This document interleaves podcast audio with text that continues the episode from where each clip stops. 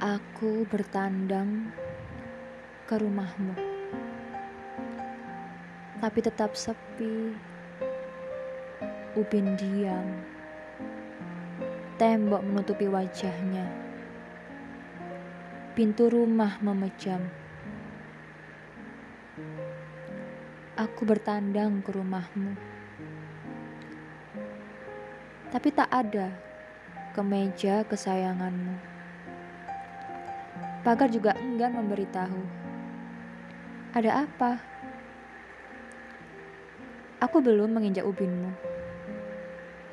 Namun, kedua matamu cagil, membayangiku. Upin bungkam panjang, namun ada yang berusaha menyetubuhi paru-paruku. Kau deru. Meski tak membuka gagang pintu, kau justru belum sempat keluar. Atau aku yang terlalu lama di luar pintu. Tanpa ingin mengetuk, hampar tempat tidurku pelah. Tubuhmu tak sempat rebah.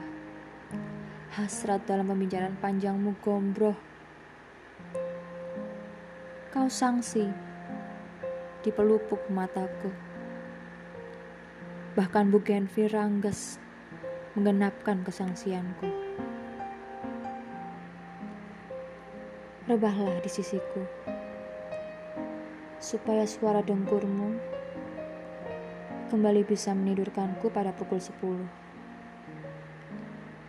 Karena aku sungguh penat kalau terus gapai menggapai kalau aku terus panjat memanjat.